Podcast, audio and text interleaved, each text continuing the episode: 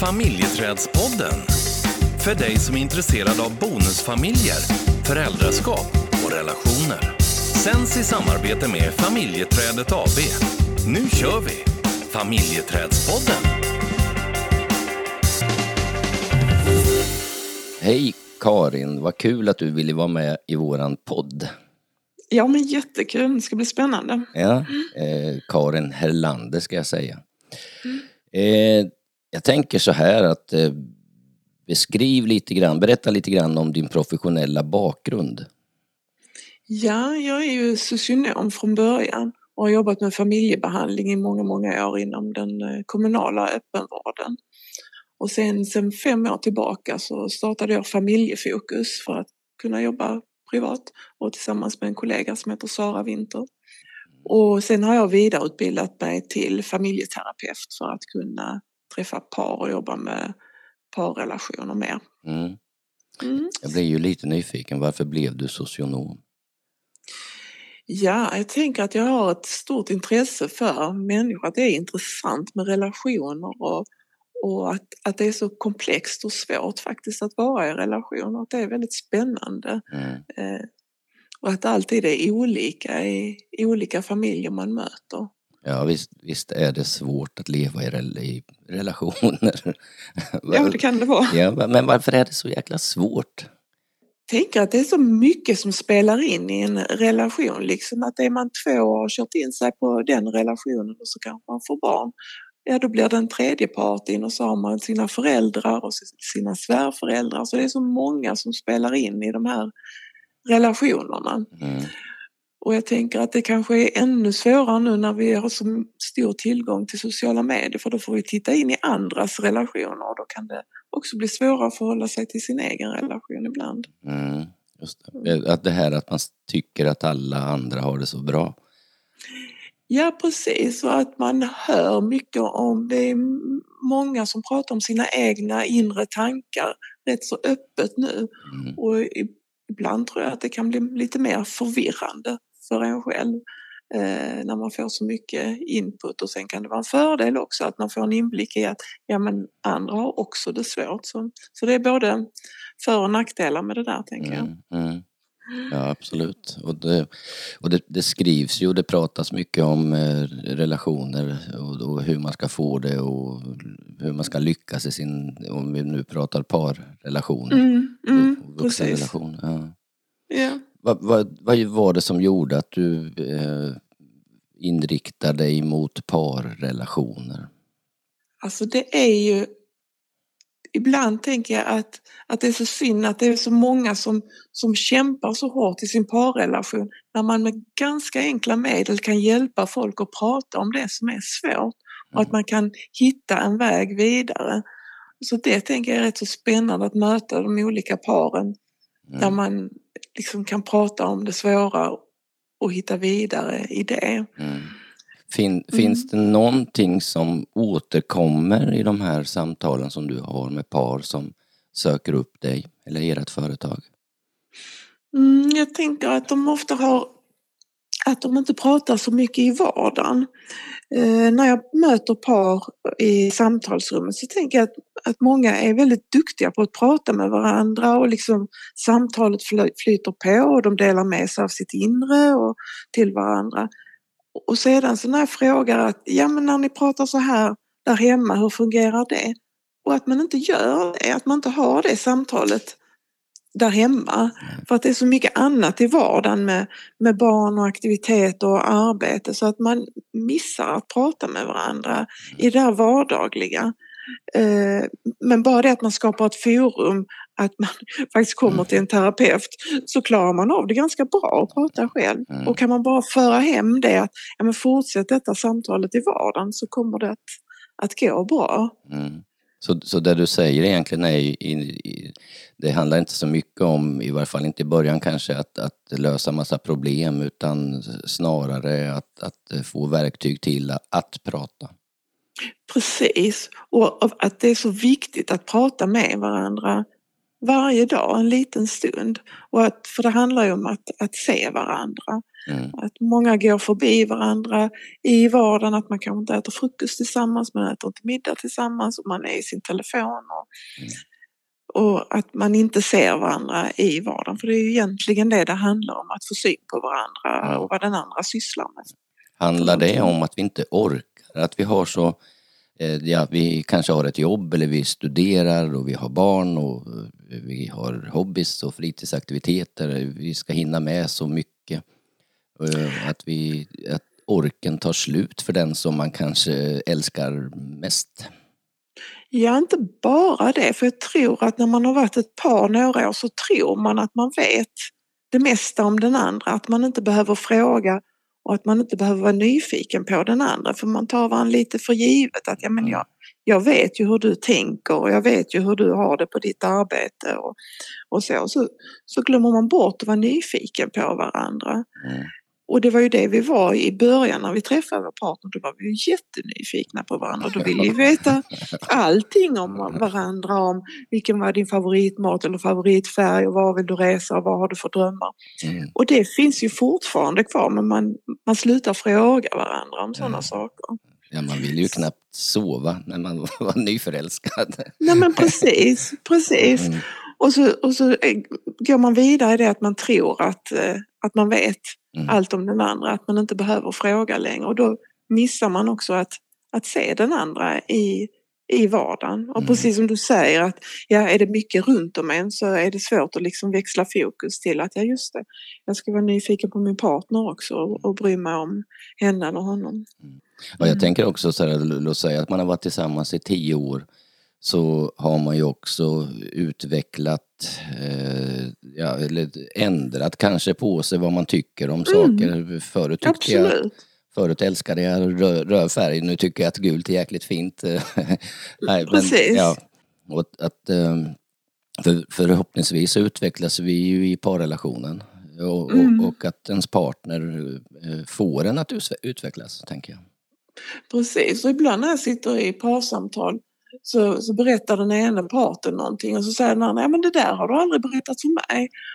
Och då säger den andra, ja men du har ju aldrig frågat. Nej, så det handlar ju om att liksom fortsätta ställa frågor till varandra. Ja. Så det är ju inte så ovanligt att det dyker upp helt nya saker när jag ställer frågan som den andra parten inte Nej. visste om eller inte har tänkt på på länge eller att man inte har frågat efter hur den andra känner inför någonting eller mm. sådär. Mm. Mm när de kommer till dig, vart befinner mm. sig många av paren då? Ja, alltså många tycker jag har väntat lite länge med att söka hjälp. Det kan vara så att man har gått i en rätt så jobbig relation länge och där den ena kanske har sagt att ja, men ska vi inte söka hjälp och den andra kanske är rädd eller inte tycker det är så viktigt och så. Och så har man väntat lite för, för länge med att gå iväg och till sist är den som har önskat hjälp från början kanske på väg ut ur relationen och då vaknar den andra och säger ja men okej då vi går i samtal. Men då har det gått ganska långt mm. och då kan det vara svårt liksom att reparera när den ena nästan har foten utanför förhållandet och har gett upp och kanske upplevt att de har försökt i så många år att nej, nu orkar jag inte längre. Nej. Så ibland kan jag tycka det är synd att man väntar för länge och att man har en rädsla för det här att gå i samtal. Vad, vad, vad eh. beror det på egentligen, den här rädslan över eh, jag tror man har en fantasi vad en familjeterapeut är liksom. Att, att det ska vara något konstigt eller något märkligt. Och, och, och många som har, när de har varit i första samtalet de pustar lite ut och ja men det här var ju inte så farligt och mm. det här gick ju jättebra. Och, och så. Men man, man, man har en oro för vad är det egentligen? Hur, hur beter sig den här terapeuten? Kommer de bara sitta tyst och stirra på mig eller kommer de ställa konst, jättekonstiga frågor som jag inte kan svara på? Så jag, jag tror det är den rädslan att man inte vet riktigt vad det är för någonting om man aldrig har gått i samtal tidigare. Nej. Och då innebär det ju också att man går och lider i det tysta. Ja men precis. Och där är det ju liksom att antingen Antingen kan det vara så att det har blivit väldigt tyst i en relation, att man har slutat prata med varandra, man går lite bredvid varandra. Eller så har man en väldigt hög konfliktnivå, att så fort man börjar prata med varandra så hamnar man i en, trappas konflikten upp väldigt snabbt. Jag har ju hört eh, att man kan säga så här att ja, men jag går kvar i den här relationen, jag går kvar och jag håller ihop kärnfamiljen för barnens skull. Mm. Mm. Hur tänker du omkring det? Jag tänker att det kan vara mer smärtsamt för barn att ha föräldrar som särskilt om de har en väldigt hög konfliktnivå, när det är bråk varje, varje dag, så är det mer smärtsamt för barn att gå i än om föräldrar separerar. Och lika väl om det är väldigt tyst liksom för att vi är ju liksom modell för våra barn. Det är vi som ska lära dem hur man löser konflikter och hur man pratar med varandra. Mm. Och går man i en dålig relation då får inte barnen det med sig ut i livet hur man ska förhålla sig till andra. Så jag tänker att en del kämpar på lite för länge för, just med tanke för, för sina barns skull och ibland finns det lite skam och skuld i det här med att separera mm. inblandat. Mm. Jag tänker, kan man bara sköta sin, sin skilsmässa snyggt mm. så, så går ju barnen vidare efter det. Att det, det är smärtsamt just när det händer och jättejobbigt för barnen just då men, men på sikt så, så fixar ju barn det. Att mm. Barn är väldigt robusta och klarar, mm. klarar mycket. Och, och vad är en, en snygg separation? Alltså finns det bra separationer?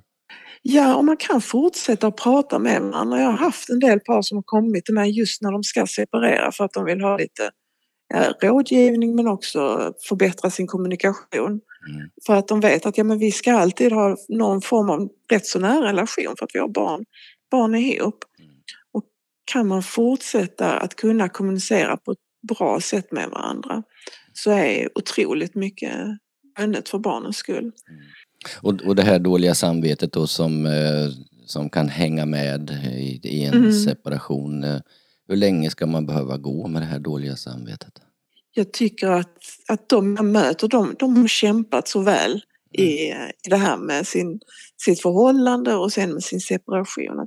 Jag tycker inte man ska ha dåligt samvete för, för det är liksom jag träffar ingen som ta lätt på det där att vi bara flyttade isär och så var det slut på det utan man har verkligen kämpat och försökt och vänt på alla stenar och, mm. och så. så, så mm. ja, jag skulle önska att man inte behövde gå med dåligt samvete Nej. för de flesta gör ett arbete. Sen kan man ju behöva hjälp i att göra det arbetet riktigt bra. Mm. mm. mm. Och jag tänker också om, om man nu har kommit överens om, eller kommit överens om, det, kan, eh, det har man ju inte heller behövt att göra, men det blir en separation och det finns mm. barn med i bilden. Eh, mm. Vad ska man tänka på då?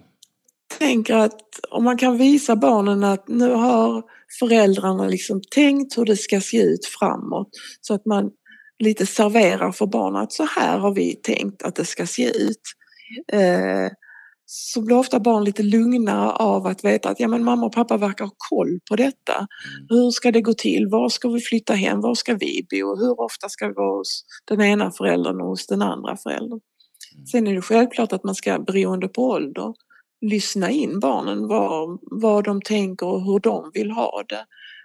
Men ofta är det en hjälp för barnen att man har en liten plan att hur det ska se ut.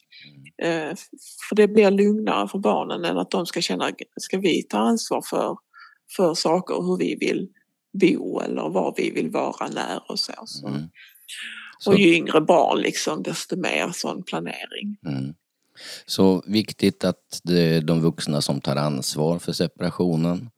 Men mm. samtidigt inte vara rädd för att prata om den här separationen. Eh, ja. Nej, och att barn kan vara ofta i, i detaljer med sina, med sina saker, med sina leksaker och med sina spelkonsoler. Och, och att sånt mm. kan ta rätt mycket plats hos barn också. Att det, är, ja, men det är viktigt att prata om, om de detaljerna också som är viktiga för, mm.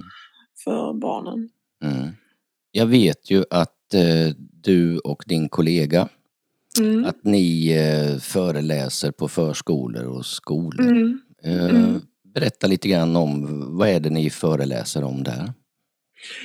Då föreläser vi om föräldraskap. Vi har en föreläsning som kallas för Gott föräldraskap. Mm. Där vi pratar om just den här tid tillsammans med sina barn. Att kunna ha den i vardagen. För vi vill gärna liksom sänka stressnivån hos föräldrar för att många gör så stora saker med sina barn och tänker att det är det viktigaste, att man åker till badhus och bollhav och det. Mm. Men att i vardagen kunna bara vara och hänga med sina barn korta stunder och att man gör det på barnens villkor. Att det räcker gott att sätta sig ner på golvet med det lilla barnet och titta på när de bygger med klossar eller lego eller ritar och så. Och att man inte behöver vara jätteaktiv utan man kan kommentera det barnet gör och i det visa att ja, men jag, ser vad du gör och jag ser att du har bra idéer när du leker och så. Mm. Och att det är liksom gott föräldraskap och att det är en god utveckling för barnet när man är bredvid barnet i, i leken och låter barnet styra leken. Mm. Att jag behöver inte lära mitt barn det här hur jag ska bygga det perfekta legohuset utan barnet kan få bygga och visa mig hur man bygger det här. Ja, för det kan ju infinna sig en, en stress över att vara förälder. Mm. När man ser mm. hur andra familjer och föräldrar, vad de gör och de åker till fjällen och åker skidor en gång om året ja. och så är det sommarsemester eh, ja, mm. på, sommaren och, och, mellan det så är det mycket aktiviteter som ska göras och sådär. Och det kan ju ja, vara lätt hänt, ja, lätt hänt att man dras med i det här. Och att det duger liksom för att skapa en god relation. För den här goda relationen ska man ju använda sen när man ska liksom leda barnet till de här växlingarna i vardagen. Liksom när man ska gå från lek till att borsta tänder och gå och lägga sig och så. Mm. Har man en, skapat den här goda relationen genom att ha bra lekstunder tillsammans med sitt barn. Mm. Ja, då går det ofta de tillsägelserna som man behöver göra, då går de ofta betydligt smidigare. Mm. Och när vi är ute och pratar på förskolan då brukar föräldrar komma igång och prata ganska mycket om det här, hur svårt det är att vara förälder.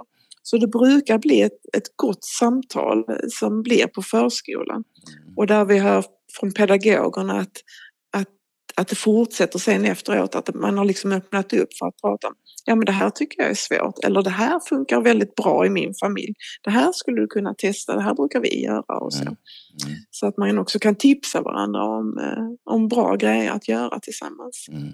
Ja för det kan ju mm. vara svårt att öppna upp och kanske visa sin sårbarhet i sitt mm. föräldraskap och känslan av att inte räcka till och eh, konfliktlösningar och regler och uppfostran och allt som har med föräldraskapet att göra.